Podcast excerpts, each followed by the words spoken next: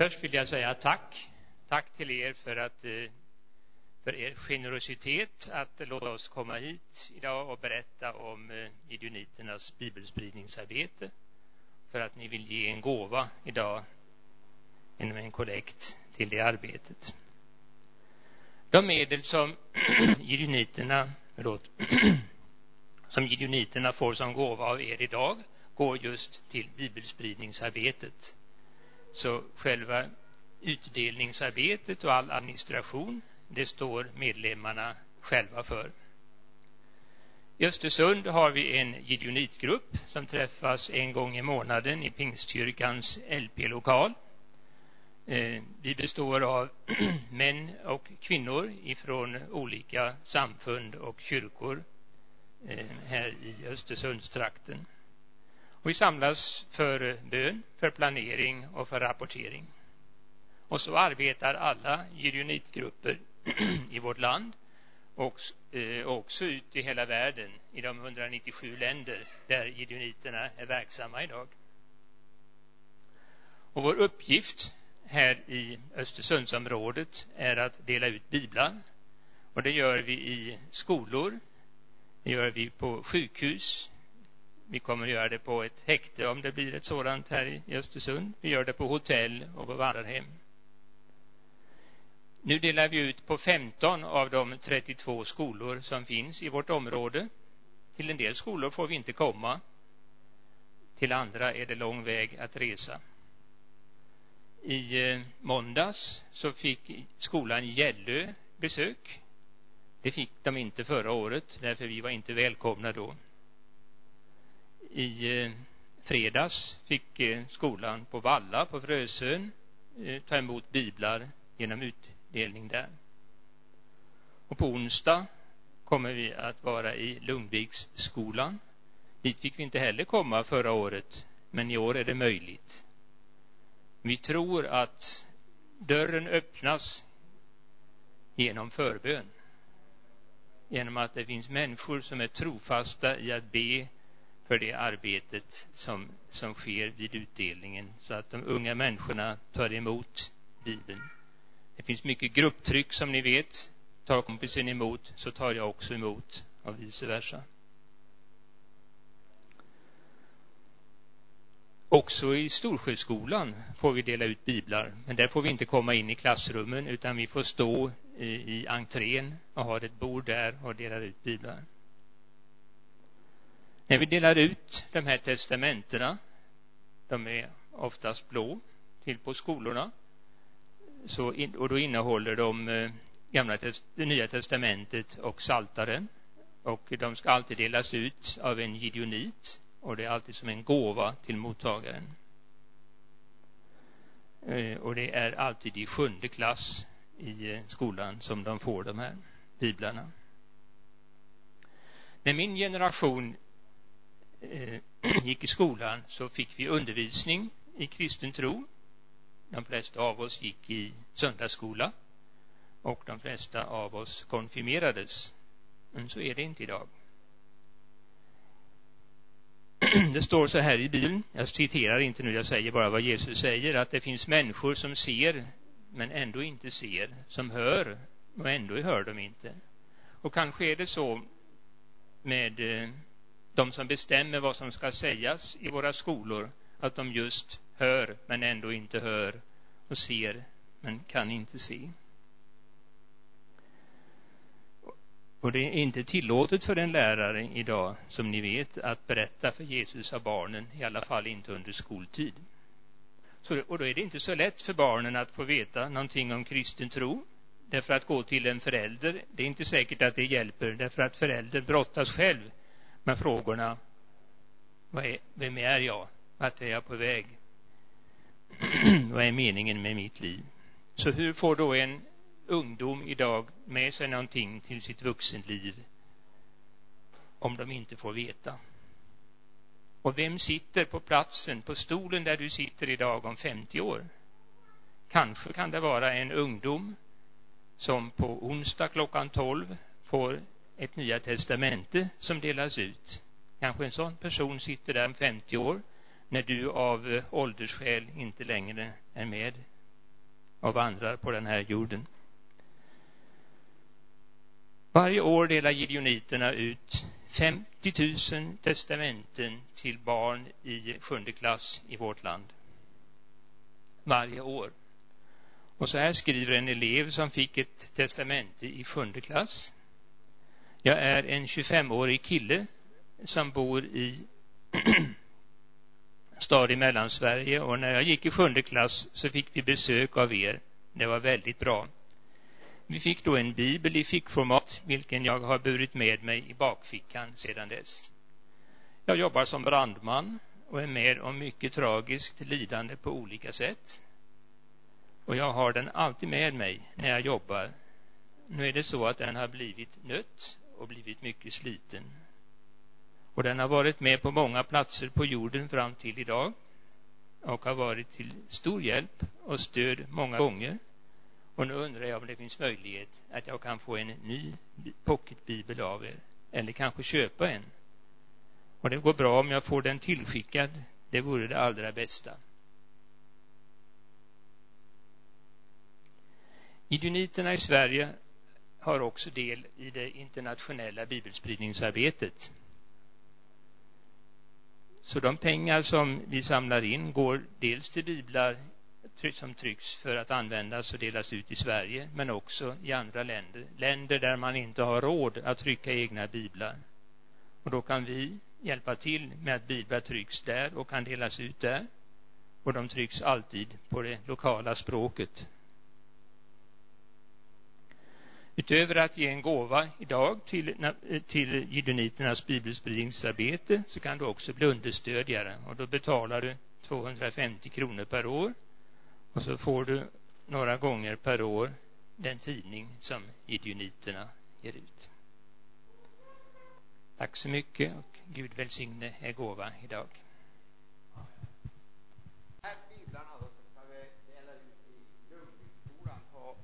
Onsdag mellan 11, mellan 12, oj då. Eh, på onsdag mellan 12 och eh, 1 mitt på dagen. Så om någon av er har lite ledigt en timme får ni gärna komma ihåg oss. Jag och Ingegerd ska gå dit då och eh, får ni gärna komma ihåg oss och be för oss. Vi brukar se till så ha någon som ber för oss när vi går in i skolor. Jag minns en gång jag var på en skola, jag ska inte säga var det var någonstans, men det var på ett ställe här i Jämtland. Två klasser hade jag första dagen där. Så skulle jag dit och ha en klass någon dag eh, senare också. Och det brukar ju gå bra, det brukar göra det. Men den här gången vet jag, jag hade inga som bad för mig. Jag hade fuskat själv med det. Och det vart en röra. Det vart en röra där i denna skola, denna klass. Eller, ja, det var två klasser efter varandra. För sista klassen var det nästan så att det var en av flickorna som nästan tog över. Va? Så jag fick ta med mig grejerna och gå, men jag hade gett dem en bibel. Men alla tog ju inte emot förstås. Det satt en lärare där, men hon hade inga händer över klassen, någonting. Så jag tror att det är väldigt viktigt. De här skolorna vi har varit på nu som, som um, Knut nämnde, här vi har varit i fyra, fem skolor, fyra kanske. Det har varit så fint som helst. De har suttit som tända ljus och tagit emot biblar och allt. Det är någon kanske som inte har tagit emot, men de flesta har tagit emot. Så nu hjälps vi åt och ber för de här biblarna. Gärna att det kommer fram någon som, som vill vara med och be för dem. Fader i himmelen, vi prisar och tackar dig för att nu får vi ställa det här fram inför dig. Att du ska låta den här detta ditt ord, Herre, som kan totalt förvandla människors liv. Nu ber vi, Fader i himlen, att de här ungdomarna där borta i Lungvik ska ta emot ditt ord. Och jag ber, Herre, att det ska vara lugnt i klassen. Att det ska vara lugnt i klassen och att de ska sitta öppna och att det här ska bli en stund som de minns framöver genom sina liv, Herre. Att det var någon där som talade om dig och ditt ord. Tack Jesus att du hör vår bön den här stunden. Amen.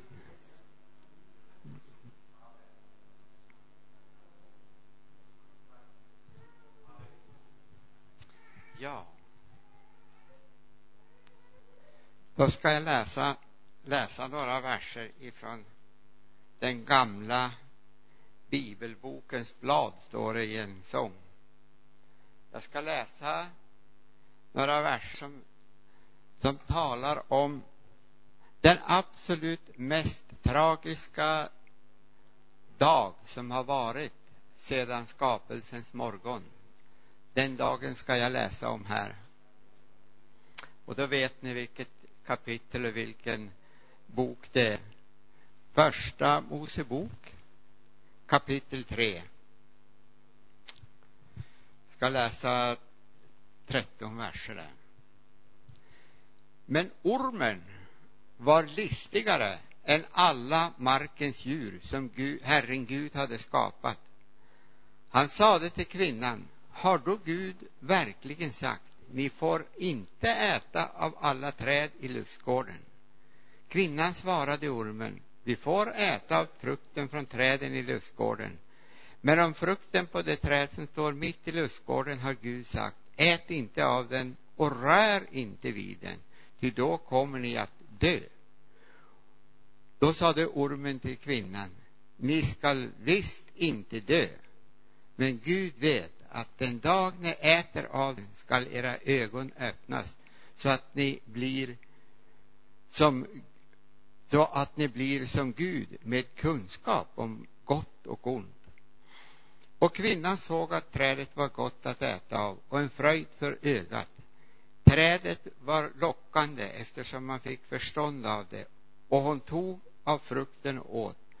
Hon gav också åt sin man som var med henne och han åt. Då öppnades ögonen på dem båda och de märkte att de var nakna. Och de fäste ihop eh, fikonlöv och gjorde höftskynken åt sig. Vid kvällsbrisen hörde de Herren Gud vandra i lustgården och mannen sade och mannen och hans hustru gömde sig för Herren Guds ansikte bland träden i lustgården. Men Herren kallade på mannen och sade, var är du? Han svarade, jag hörde ljudet av dig i lustgården och blev förskräckt eftersom jag är naken. Därför gömde jag mig. Då sade Herren, vem har berättat för dig att du är naken? Har du ätit av det träd som jag förbjöd dig att äta av? Mannen svarade, kvinnan som du har satt vid min sida, hon gav mig av trädet och jag åt. Då sade Herren till kvinnan, vad är det du har gjort? Kvinnan svarade, ormen förledde mig och jag åt. Och därför så är det som det är ute i världen idag. Det vi ser runt omkring oss och det vi ser när vi tittar på tv och hör nyheter. Men om man ser efter vad, vad, vad som står här egentligen så kanske man känner igen sig. Eh, det stod här att det här, det här påståendet som, som ormen, alltså det är djävulen som talar genom ormen. Har då Gud verkligen sagt, ni får inte äta av alla träd i lustgården? I en del översättningar så står det får ni, har Gud sagt att ni inte får äta av något träd i lustgården. Han försöker att som vränga till det på det så gott det går att det är klart att så kan det ju inte vara. Och så svarar kvinnan att han får äta av träden där, men det fanns ett träd, det som stod mitt i lustgården. Då har Gud sagt, ät inte av det och rör inte vid det. Får inte röra det, ty då kommer ni att dö. Och förut då så hade ju Herren sagt till, Abraham, äh, till Adam, om ni äter av det här kommer ni att döden dö. Och jag tror att det var så att när, han, när, när man vände sig bort ifrån Gud så klippte det som dog omedelbart, det var kontakten med Gud. Kontakten klipptes omedelbart. Men sen så levde de ju många hundra år. Adam var 930 år gammal. Men kontakten bröts direkt och den fysiska döden kom då först 930 år senare. Eh, så då, då så säger ormen det här att ni skall visst inte dö. Men Gud vet att den dag ni äter av den skall era ögon öppnas så att ni blir som Gud med kunskap om vad som är gott och ont. Och, så, och det, var, det var faktiskt både lögn och sanning som han sa. För det var lögn att de, de inte skulle dö, men det var ju sanning det som han sa att, att era ögon skall öppnas. Och det står det då i vers 7 sen, när de hade ätit av det här, då öppnades ögonen på dem båda och de märkte att de var nakna. Förut hade de inte, att de var nakna, det var inget fel. Och det hade inte orsakat någonting fel alls. Utan det var bara på det viset. Det var helt i sin ordning. Men när de, när de åt av trädet och fick Guds kunskap, då, då öppnades deras ögon så de såg det här. Och eh, jag tänkte på det här att som, som Gud sa här att de inte skulle äta frukten och de skulle inte ens röra vid den. De fick inte ens röra vid den. För då visste han att då, då klarar de inte av det längre. Och vet du, det här, det här är ju som både i, i smått och stort. Det, det, det täcker hela spektrat av synd som vi kan möta. Från det att en mamma säger till sin lille gosse, du får inte ta av de där kakorna som jag har bakat som ligger där. Du får inte ta av dem, får inte äta av dem. Ända till det som står om i, i Ordspråksboken kapitel 5 och kapitel 7 där det talas om sexuell lösaktighet. Gud sa till den här mannen, den här ynglingen där, att han skulle inte gå dit bort till kvarteret där hon bodde. Gå inte fram på den gatan, för det kommer du inte att klara av. Det kommer att gå ända så långt, sa han, att pilen genomborrar din lever. Men ynglingen gick dit och han fick smaka frukten av vad han gjorde. Det är också, jag funderar på det här som han eh, det står om då här hur de hörde Herren Gud gå i lustgården när kvällen kom, kvällsbrisen kom. Då, då, då, då, då hörde de Herren Gud gå genom lustgården. Jag skulle tro att innan syndafallet så pratade Gud och människan med varann som du och jag pratar med varann. Det var helt det var full kontakt emellan. Och vi vet ju att Gud sa till, till eh, Mose att han, Mose kunde inte få se honom, för om du får se mig, då dör du. Han skulle se honom på ryggen. Men före syndafallet, då tror jag att då kunde han se Gud. För det var, det var, det var ingenting brutet då, utan det var helt och full kontakt mellan Gud och människa. Men då ropar eh, Gud och säger så här. Var är du? sa han till mannen. Och så svarar Adam så här.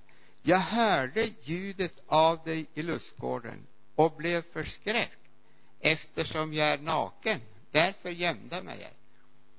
Så då ljög han Gud mitt uppe i ansiktet omedelbart. För han sa det att jag gömde mig därför att jag är naken det var ju inte för det han jämnade sig, utan han visste ju själv att han hade ju ätit av frukten från trädet, för Gud hade talat först till Adam och Adam hade talat till kvinnan. Men han, hade, han, han säger nu att det var för att han var naken, det var ju för det han gömde sig. Men det var det inte, utan det var en lögn. Och sen så säger han, då säger Herren till honom, vem har berättat för dig att du är naken? Har du ätit av det träd som jag förbjöd dig att äta av? Och så svarar mannen så här. Kvinnan som du har satt vid min sida, hon gav mig av trädet och jag åt. Så först så eh, liksom eh, säger han så här, kvinnan, den här, den här kvinnan som du har gett åt mig, det var hon. Och det var ju du som gav den till mig. Men det var ju, det var ju en, en dålig, en dålig eh, kvinna jag fick hit eftersom hon, hon lurar ju mig att äta av det här. Så istället för att, att säga ja, jag har syndat, jag har gjort fel, du sa det till mig, jag fick inte göra så. Istället så skyller han över på Eva, kvinnan. Det var ju hon som gjorde det, han gjorde det inte. Man känner igen sig. Så är vi människor. Har vi gjort någonting som man lätt kan skylla på någon annan. Det var ju liksom inte min idé det där. Så är det fortfarande i vår värld. Så är det fortfarande. Eh, så går mannen till, eh, så vänder sig Herren till kvinnan och så säger han Vad är det du har gjort? Sara, frågar han kvinnan. Och hon i sin tur skyller på ormen. Det var ju ormen, det var ju inte hon, utan det var ju ormen. Det var ju ormen. Det var ju djävulen som lurade mig att göra det där. Och, och, och, så det, det är det som går igen än idag hos oss människor. Vi skyller gärna på någon annan. Men faktum är att ormen, han skyller inte på någon. Han gör inte det. Det står ingenting om det. Och jag tror att det var så att människorna här, de såg en möjlighet att skylla ifrån sig det här. Men ormen, djävulen. Jag tror så att det vi läser i Jesaja 14 och Hesekiel 28, det talas om Babels konungen och det talas om konungen i Tyrus. Det är ju om dem men det har en mycket, mycket djupare innebörd. Det är djävulen det talas om. Det är han som var den, den där eh, keruben och, och som var så högt uppsatt i änglavärlden. Och han som talar genom ormen här, han visste det är, finns ingen möjlighet att försöka skylla ifrån sig. Han visste att det finns ingen nåd att få för mig. Han fick det var omöjligt att få någon nåd för honom. Han hade syndat en gång och sen var det kört. Man kan se det på, när du läser i slutet av Uppenbarelseboken där det talas om tusenårsriket, det tusenåriga fridriket. Före det så ska Satan kastas i avgrunden och en ängel låser igen över det. Men så står det att när de tusen åren är till ända ska Satan komma lös ur sitt fängelse och gå ut för att förvilla folken som bor vid jordens fyra hörn. Så fast han har suttit i fängelse i tusen år och plågats i tusen år, omedelbart när han går ut så går han ut och gör samma sak igen. Så för honom finns ingen möjlighet. Därför försökte han aldrig ens höja rösten här. Men för dig och mig som är här, vare sig du är frälst eller om du inte är frälst. Så idag finns vägen till frälsning öppen för dig. Och vad, vi må, jag talar för mig själv, ni kanske har lite bättre ställt än vad jag har i mitt förhållande till Gud. Men jag vet att många gånger sedan jag blev frälst, jag är frälst i 40 år nu, så har jag inte gått hela vägen med Gud. Gånger när Gud har pekat på mig, det kan vara större ting, det kan vara små ting. Gå till grannen och hälsa på. Men det kan vara många större ting. Och så har det inte blivit av. Jag har varit olydig. Så jag tror att för min egen del i alla fall så är jag i beroende av Jesu renande blod. Kanske är det så att mest varje dag så är jag i behov av Jesu renande blod för att en dag få komma in i himmelen. Och jag har, har tänkt på det här att i, gam, i gången tid, i gammaltestamentlig tid så var det tre stora domsakter som gick över människosläktet. Det första det var det jag läste om här. Det var inte bara Adam och Eva som föll utan hela skapelsen föll. Står det i Romarbrevet 8. Hela skapelsen samfällt suckar och våndas under träldomen. Nästa gång så, nästa domskatastrof det var, det var eh, syndafloden. Det var inte vatten här.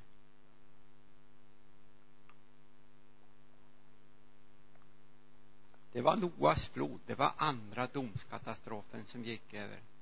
Allt, allt plånades ut. Vad jag förstår så var det ju en, det var några som inte behövde komma in i arken och det var ju fisken. Vattendjuren och fiskarna de behövde ju inte in i arken vad jag förstår för de fick ju bara mera vatten. Tredje katastrofen det var vid Babels torn. Vid Babels torn. När de försökte göra ett torn upp till himmelen. Högmodet som ledde människorna där. Men vid varje gång, varje domskatastrof så ger Gud ett löfte. Här så, så ger han det här löftet som vi väl vet om. Jag ska sätta fiendskap mellan dig, jag säger det till kvinnan, mellan din avkomma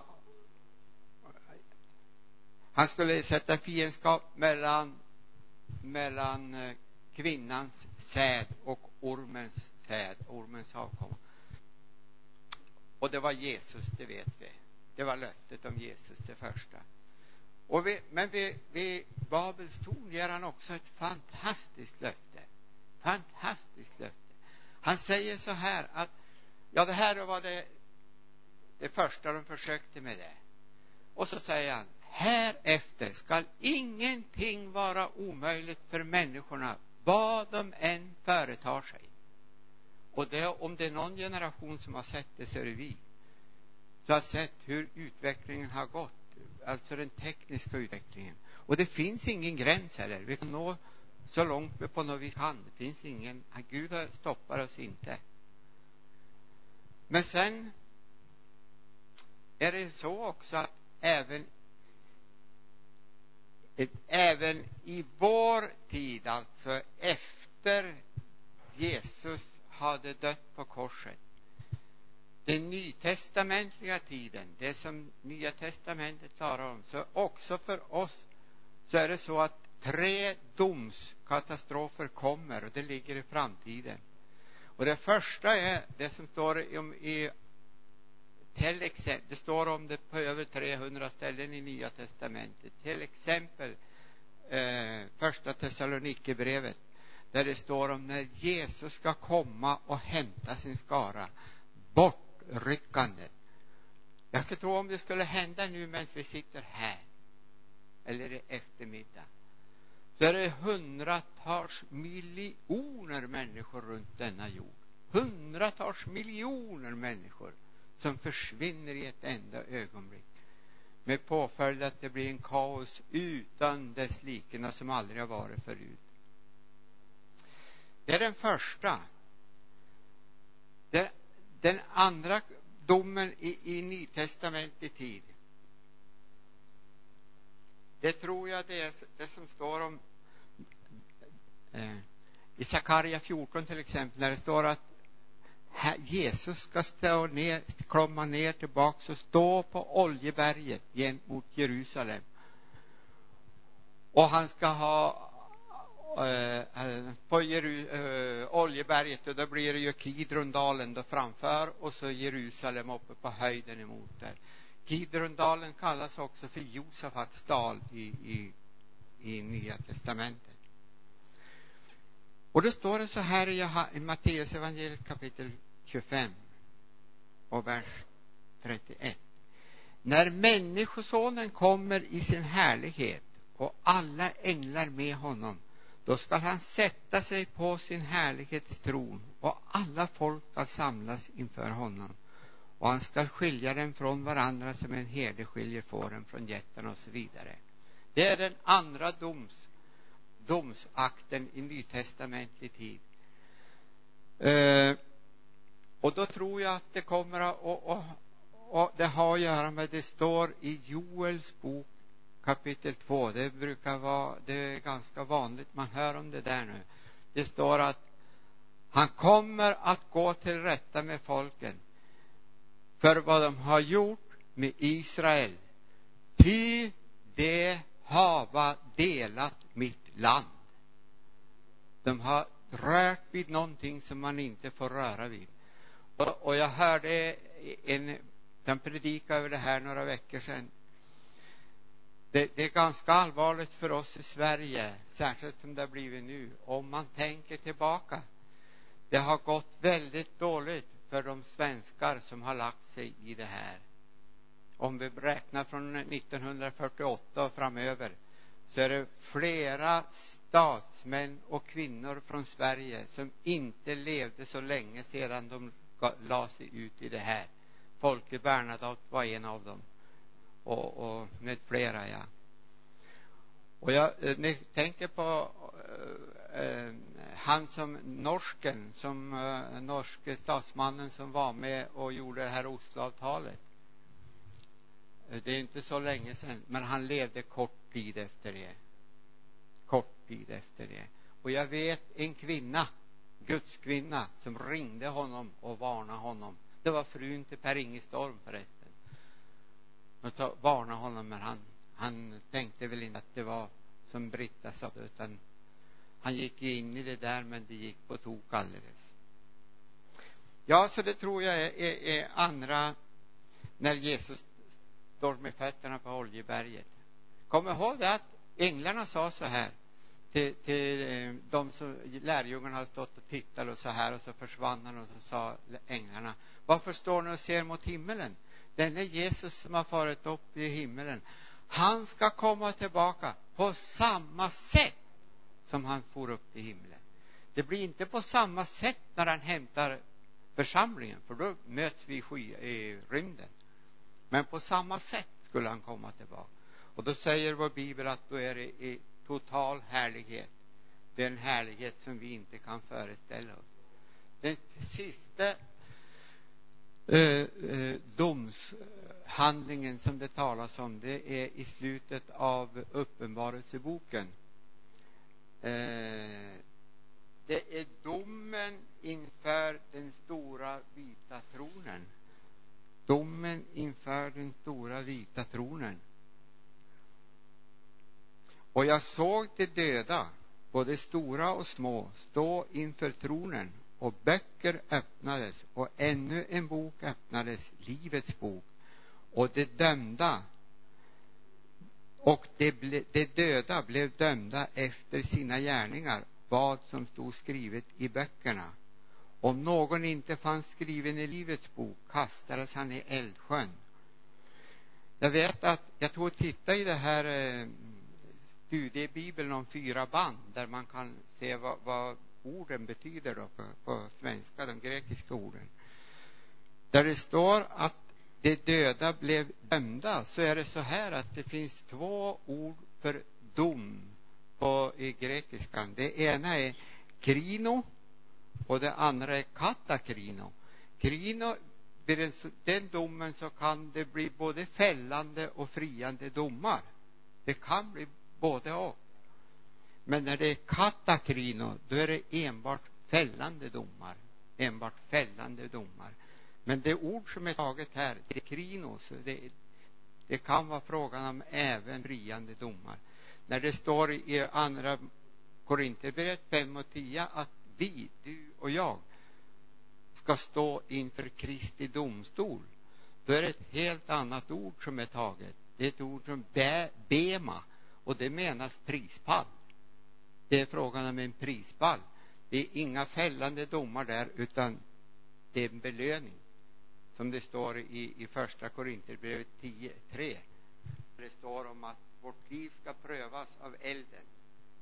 Brinner allt mitt livsverk upp? Ja, det är inte jag som kommer att brinna. Jag kommer inte att brinna. Men mitt livsverk kan brinna upp om det var inget värde i det. Men inte jag.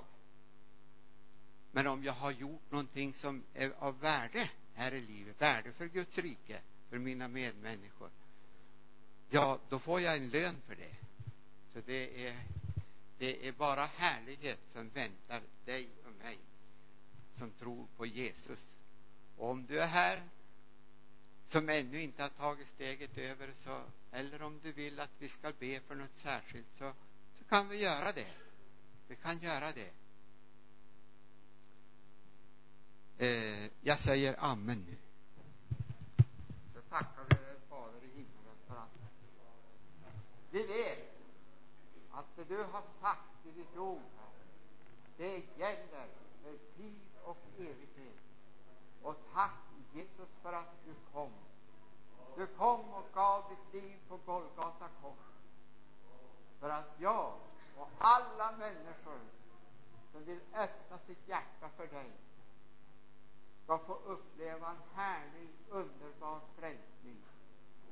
Och nu, Herre, nu, Herre, ber vi också samfällt för vår regering som har tagit ett felaktigt steg. Vi ber för vår regering, Herre, att du måste leda på rätta vägar eller också sätta andra in där som kan gå efter dina vägar, Herre. Herre, du har all makt i himmel och på jord och för det så vill vi verkligen prisa och tacka dig idag. Herre, vi ber för Sveriges land och folk. Du är den enda räddningen för Sveriges land och folk idag, Herre. Gode Gud, gode Gud, kom över Sverige, Herre. Rädda Sverige än en gång, gode Gud. O Herre, en väckelse från himmelen. Du löfte detta land en gång för mer än hundra år sedan med dryckenskap och elände. Gör det än en gång, vi beder dig, din lilla skara i det här rummet idag. Tack att du hör vår bön och vi ska prisa, lova och ära dig. I Jesu namn. Amen.